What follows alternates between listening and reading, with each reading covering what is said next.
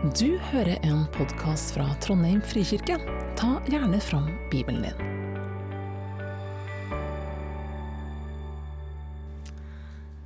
Jeg skal lese fra Jesaja 43, 1 til, til og med 3. Og nå, så sier Herren, som skapte deg, Jakob, som formet deg, Israel, vær ikke redd, jeg har løst deg ut. Jeg har kalt deg ved navn, du er min. Går du gjennom vann, er jeg med deg. Gjennom elver skal det ikke flomme over deg. Går du gjennom ild, skal du ikke, skal du ikke svi deg, og flammen skal ikke brenne deg. For jeg er Herren din Gud, Israels hellige, som frelser deg og gir Egypt som løsepenge for deg, Kush og Seba i stedet for deg.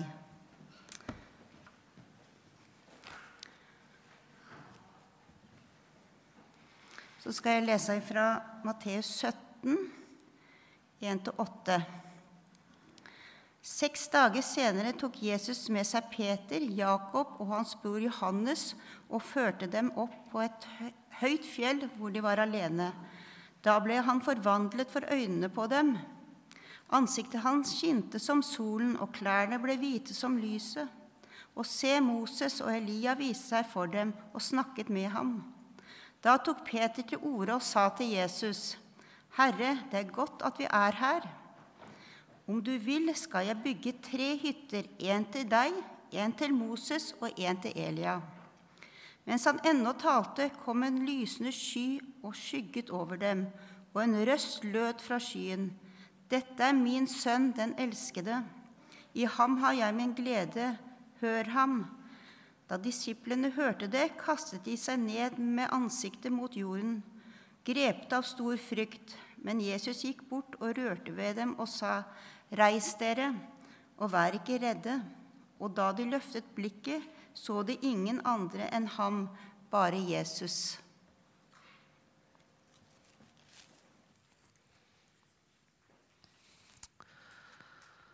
Jeg vet ikke um, hvilket forhold dere har til sånn um, kristenkultur. Eller sånn kristne TV-serier, f.eks. Jeg vet ikke om dere var sånn som meg, som kjøpte alle Left Behind-filmene og viste dem til alle på eh, Øya skolelag når jeg var 18 år. Håper det ikke har ført for mye skade med seg. Men jeg, eh, jeg hørte noen som sa en gang eh, Og du kan bare høre at det er noen kristne som har lagd denne musikken her, for den er så fantastisk. Og så tenkte jeg ja, jeg kan høre at det er noen kristne som har lagd denne musikken, her, men det er ikke fordi den er fantastisk, det er fordi den er forferdelig.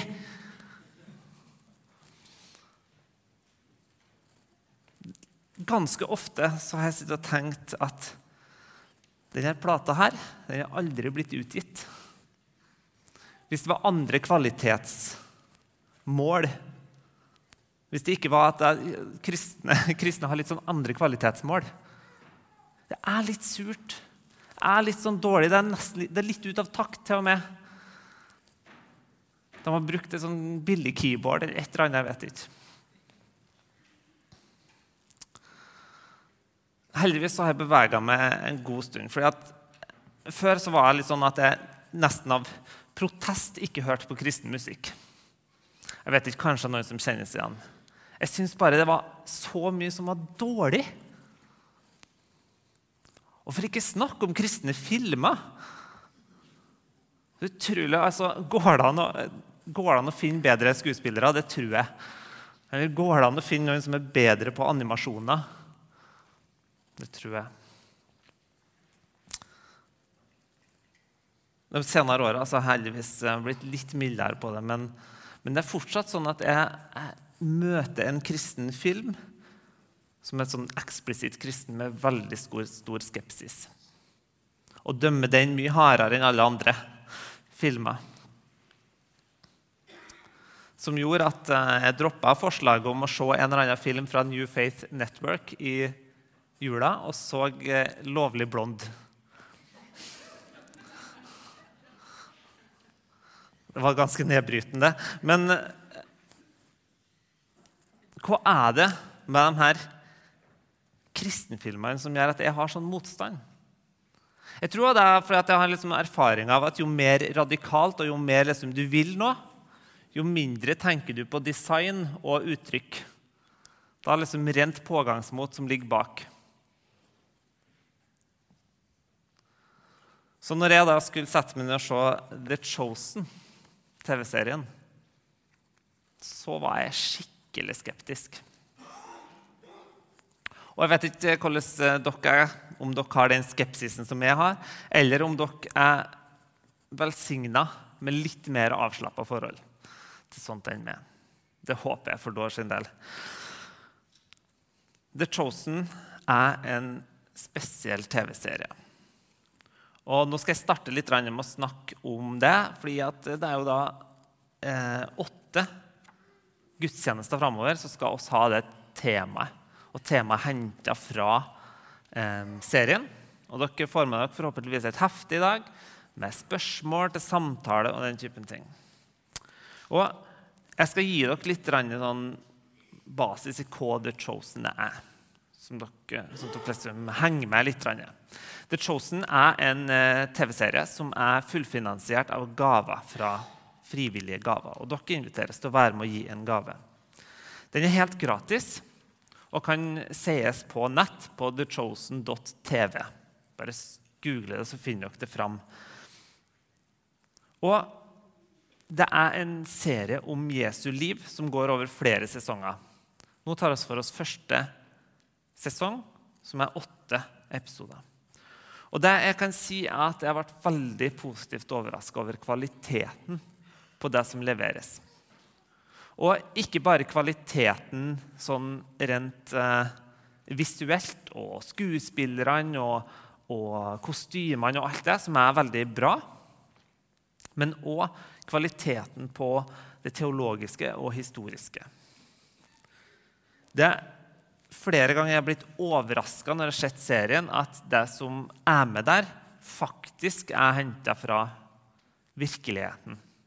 F.eks. bare hvordan de låser dørene, er en sånn detalj som de har henta fra 2000 år siden.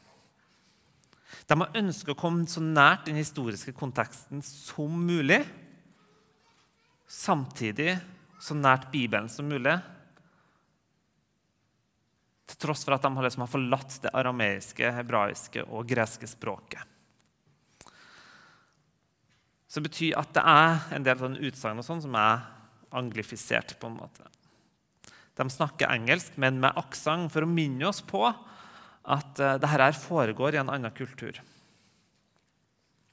Det er Dallas Jenkins som har vært uh, hovedregissør for denne serien. og Han har hatt med seg en uh, jødisk rabbi, en katolsk teolog og en evangelikal teolog til å tenke gjennom hvordan denne serien skal være.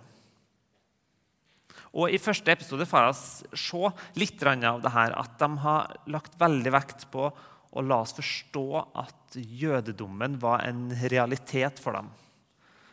Det skjer spesielt med måten de behandler sabbaten som den, noe av det viktigste kjennetegnet for jøder på den tida. Og Dermed så behandler ikke de sabbaten enkelt, men de viser alvoret rundt den og gleden. Og så må jeg advare enkelte av dere. Den første episoden kan være litt utfordrende for den som kjenner den bibelske historien veldig godt.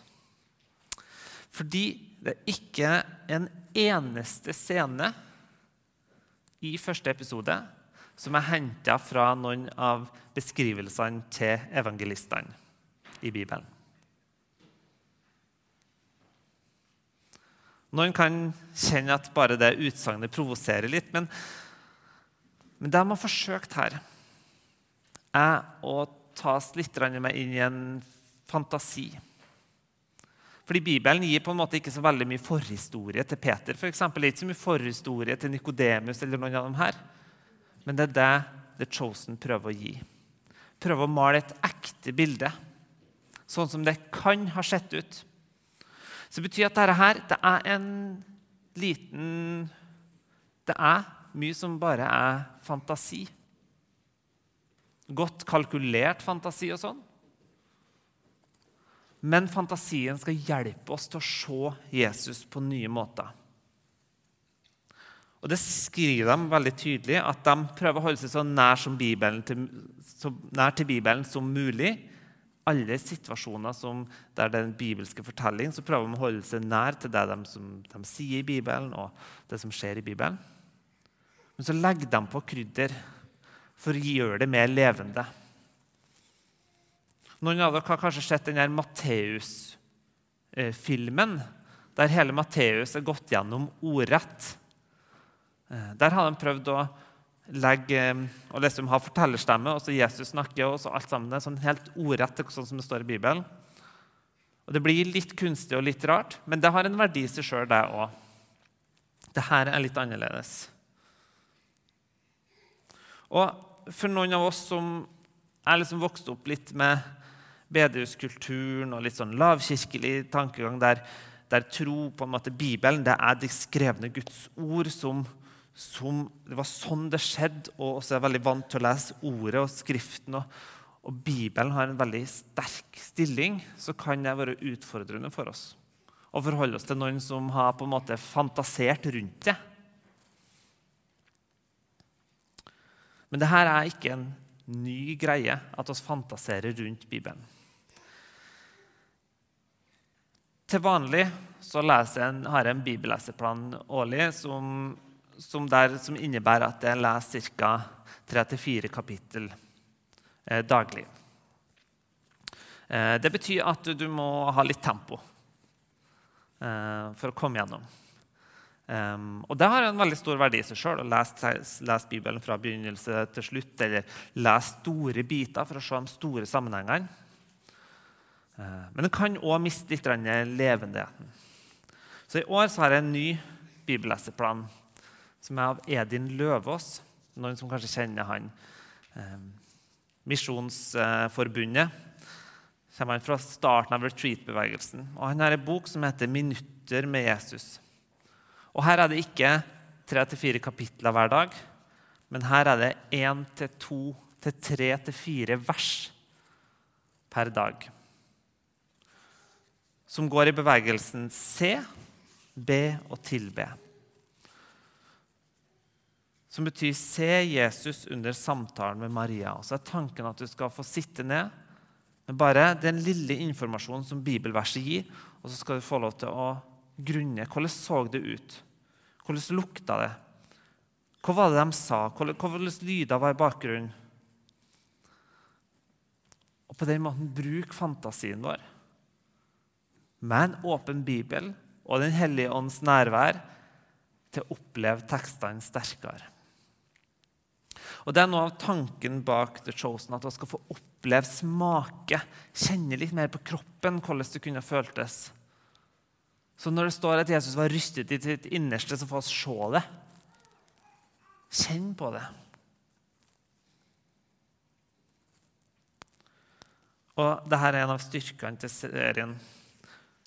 Sjøl om forhistoria til Peter og noen av de her karakterene kanskje er litt spesiell, så er det nettopp gjennom å få kjøtt på beinet på de her andre karakterene at Jesus trer fram. At han blir ekte. At han møter ekte mennesker.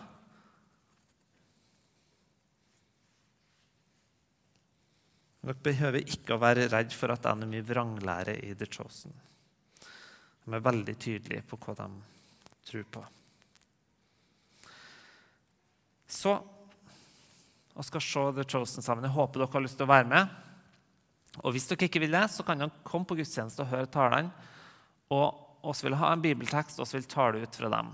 I dag tar jeg ekstra mye The Chosen-fokus for å hjelpe oss inn i serien. Og så er det så så er det ukens lovsang, det er spørsmål til samtale. Det er ukens bibelvers som dere kan henge opp på kjøleskapet. Og spørsmål til samtale til gruppa, til kollektivet til familien. Og så er det ukens praksis for barnefamilier, som vi inviterer dere til å bli med.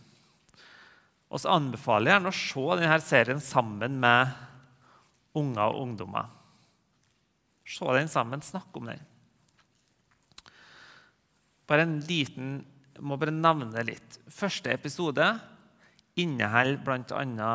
en eh, demonutdrivelse som kan være ganske skummel for barn under ti år. vil jeg si. Ikke at, ja, så se, serien, se episode én før du liksom bare slenger den opp på ungen sin barnebursdag. Um, så dere er liksom, ja, trygge på hva dere gjør. Um, men ellers så er episodene veldig eh, lite voldelig og ja, sånn. Tar og ber kort for denne eh, tida som ligger foran oss. Kjære far, takk for Dallas Jenkins og alle som har bidratt i The Chosen. Takk for alle de millionene med liv som blir berørt av denne serien. Og takk for at du kan bruke alle slags medier til å nå inn til oss. Og be for den tida her framover i Trondheim frikirke at du skal bli mer levende for oss, at du skal bli mye mer synlig. Amen. Sånn. Det var om The Chosen. Skal jeg ha noen korte tanker. Vårt ønske er at dere skal få et glimt av Jesus. Og I teksten som nettopp ble lest, som hopper langt fram i i evangeliet om Jesus så får vi møte Johannes, Peter og Jakob som blir med Jesus på fjelltur.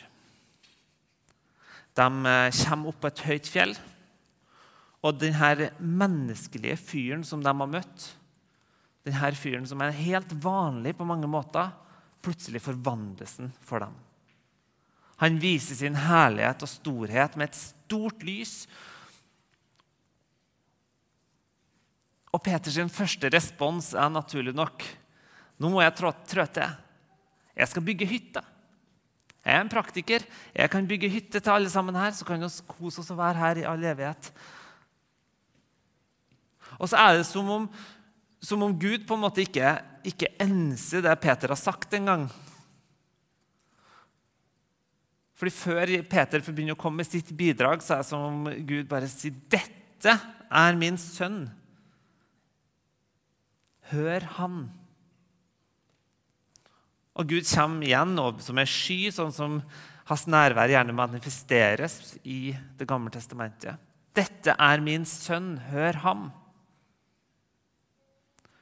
Og Peters hyttebygging den blir på en måte lagt på is og glemmes. Det er litt skremmende. Det er så skremmende for dem at de detter bakken og så står det at idet de ser opp, så så de ingen andre, bare Jesus. Og Jesus i all sin menneskelighet kommer og rører ved dem. Jesus både stor og lysende og litt skrammende, og nær og omsorgsfull med blikkontakt. Jesus som åpenbarer to sider av seg sjøl, sånn som vi får se i denne TV-serien. Og så er det et ord som den siste uka har gått gjennom for meg, igjen og igjen, som jeg ikke vet hvor jeg har fra, men det ordet mistenksomhet.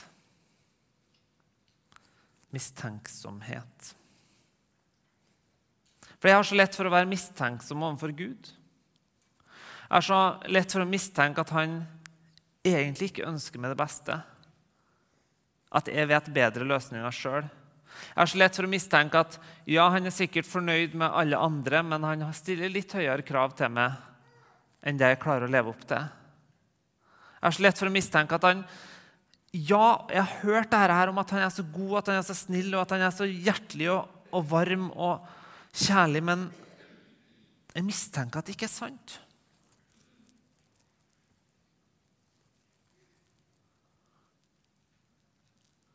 I første episode så møter vi en kvinne som, heter, som har gitt seg sjøl navnet Lilith. Hun hadde noen sånn heftige traumer i barndommen. Vi får noen hint om at hun kanskje har blitt utsatt for overgrep. Hun har mista foreldrene sine. og hun er demonbesatt. Tilsynelatende. Eller et eller annet er det med demoner her, uten at det kommer helt tydelig fram. Og hun har klynga seg til navnet Lilith. Det er hennes sitt nye navn.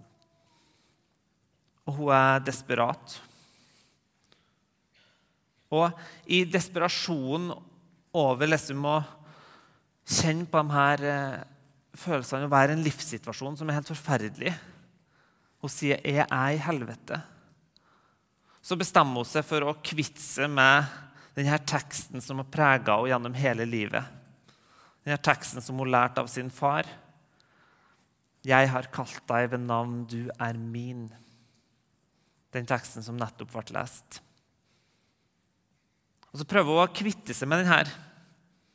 For kanskje det kan hjelpe.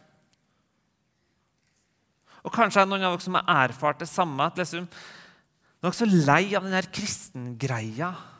Jeg er så lei av det her som jeg har fått med meg hjemmefra. Jeg har bare lyst til å kvitte meg med det. Heller gå til mine mestringsstrategier. Min måte å fikse livet på. Min måte å overleve. Og Kanskje kommer du hit litt i dag og, og på en måte har hørt ryktene om en god Gud, men du, du, klarer egentlig ikke å tro. Du mistenker egentlig at det ikke er sant. Og Egentlig så har du kanskje gitt opp hele greia, men du kan jo komme likevel.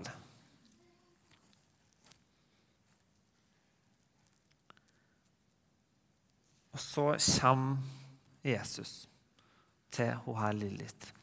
Og nå skal vi få se den scenen eh, der Jesus møter henne.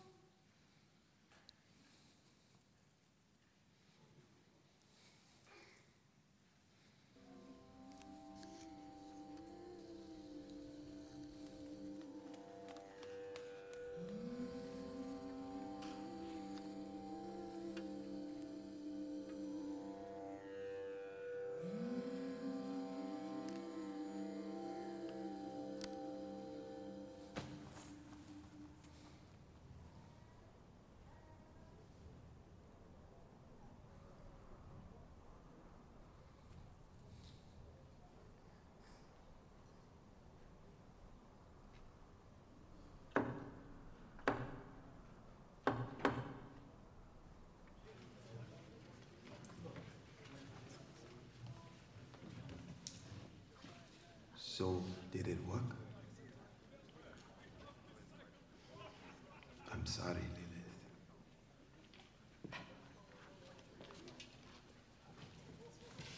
Lilith. Elias? What? We should talk, huh? Oh, what, huh? It's going to scratch me too. Come on, not now. So she... Not now. She smells anyway.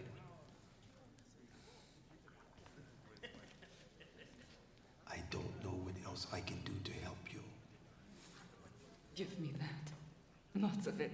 That's not going to solve your problems. It's meant to distract from No them. more preaching. Just give it to me. Lilith, please listen to what I'm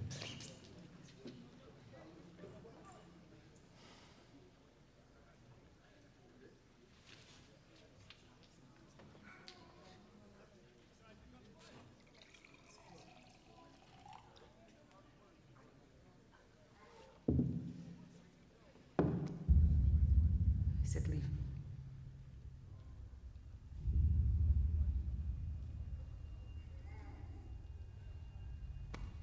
It's not you. Don't touch me. Oh. Lily. Lily, Lily, are you okay?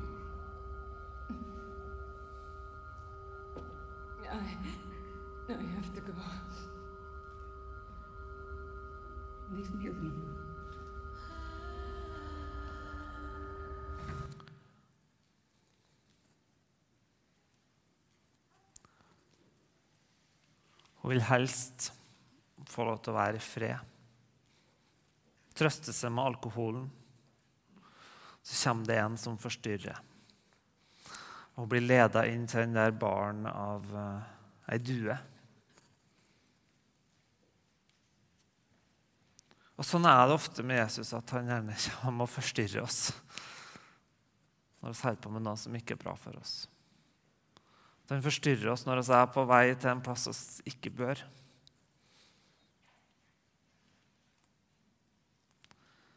Så ser vi at hun får en reaksjon.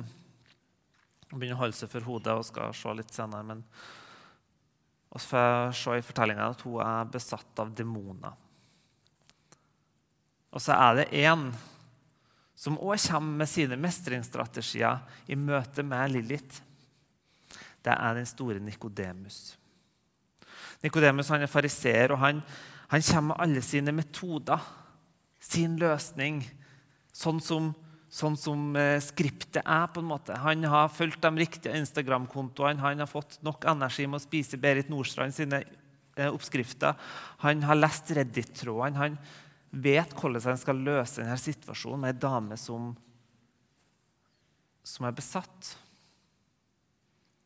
Og så påkaller han, sånn som de gjorde på den tida, engler og, og alt mulig slags helgener og den typen ting. Påkaller dem for at de skal drive ut denne demonen. Og så er det så påfallende at Han kaller på navn etter navn, etter navn, etter navn, men så er det ett navn han glemmer, som han ikke kjenner. navnet Jesus. Det er så påfallende at det er han som er løsninga, ikke ha sine mestringsstrategier. Og så er oss på gudstjeneste. Og også lagt inn i denne taleserien Ukens lovsang. Og er det noe vi ofte gjør på gudstjeneste, så er det å synge til navnet Jesus. Påkalle Han. Og Jeg har noen tanker om det med lovsang, siden jeg har sett litt ekstra fokus på det i dag. Og Det er to bevegelser som også har sin rot i mistenksomhet. Det første er bevegelsen fra å tenke på massesuggesjon til fellesskap. Jeg har hørt så mange som kritiserer frikirkeligheten, lovsangskulturen og alt mulig sånt for at det er massesuggesjon. det der. Dere bare driver folk inn i følelser eller et eller annet mulig sånn. Da har jeg lyst til å si noe. At uansett om at ja, det fins dårlig massesuggesjon, men du behøver ikke å være redd for at dette her er som å være på Youngstorget på 1. mai eller en eller annen sånn ting. For at ja, det er massesuggesjon overalt. Når du går inn på bussen, så tar du opp mobilen og setter den sånn som alle andre. Og det er sånn at Hvis du går inn på, hvis jeg går hjem på bedehusmøte hjemme i Regnbu, så det er ikke sånn at jeg umiddelbart, sjøl om kanskje sangen 'Din ryggsekk Jesus være skal' invitere til det, så står ikke jeg med hendene i været eller finner ikke fram lovsangsflagget. For det er ingen andre som gjør det. Det er massesuggesjon der òg. Det som skal være målet vårt, og målet vårt her i Trondheim frikirke, er at det skal være stort spekter for hva det skal få lov til. Det skal være lov til å danse, løfte hender og bare sitte og være stille. Og når oss synger ut og oss hjelper hverandre til å løfte volumet, så er det ikke for å påvirke folk, men det er for å åpne rommet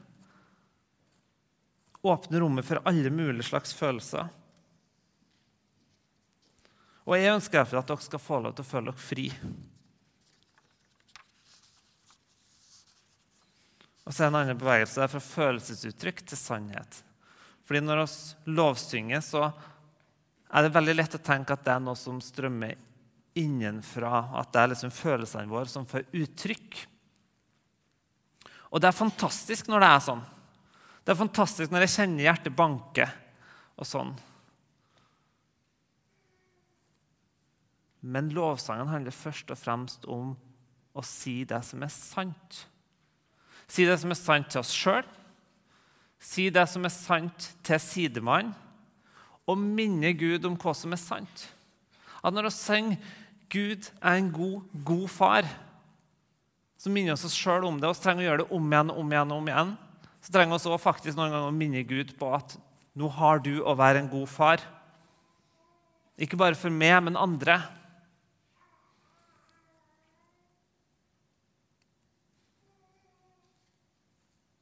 Å lovsynge er å uttrykke vår tru. Peter Hallors sier bl.a.: Å knele når man ber, eller å løfte hendene, er ikke noe hjelpemiddel for bønnen. De bøyde knærne og de løftede hendene er bønn. Ofte så tror oss det som at oss skal gi uttrykk for oss veldig mye av det som er innenfra, men det er egentlig det vi gir uttrykk for, er han som er oppi der. Det er det vi sier, snakker om. Når vi lovsynger, så snakker vi om hvem han er. Til oss sjøl, til andre. Og Det gjør oss med kroppen, sjøl om følelsene og intellektet vårt ikke nødvendigvis henger med. Og jeg vet det kan være vanskelig for oss. At det er vanskelig å kan tro og liksom forestille seg at Gud er en god, god far, men å synge det ut likevel. For oss trenger å minne oss sjøl på det.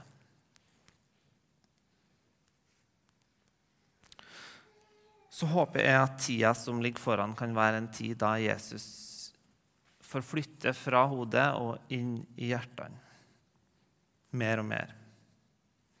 Og at vi kan hjelpe oss sjøl, hjelpe hverandre med det. Både når vi ser The Chosen, når vi står her i benkeraden og synger av full hals på sanger vi kanskje ikke kan, men å synge likevel fordi at det er sant.